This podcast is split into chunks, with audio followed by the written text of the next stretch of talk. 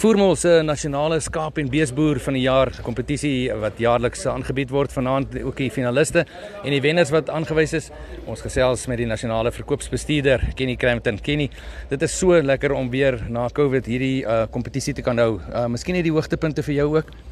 Uh, Pieter, ja, dit is is baie baie goed om weer die die uh kompetisie weer aan die gang te kry.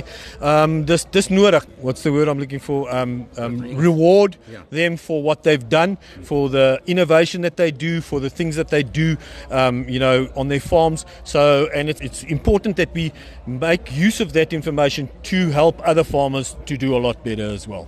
Is there a positive hope and and uh, and also um, uh, something in in the future that you can see uh, visiting these farms and and also uh, see what they do on their farms. Yes, very much so. Um, that was probably one of the things that stood out the best for us was the hope and the and and and, and the the faith that the people had and the, that they had in their farming, that they had in the future of their farming and everything like that. And they all looked to, to put something back into it. Um, so it was a great. Uh, uh um, competition. And for Voermol as a company, uh, what did it mean to you?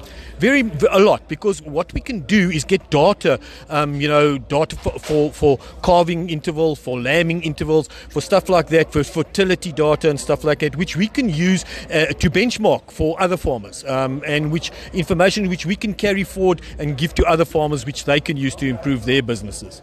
Great to hear from uh, Positive and National Sales Manager from Voermol, Kenny Crampton.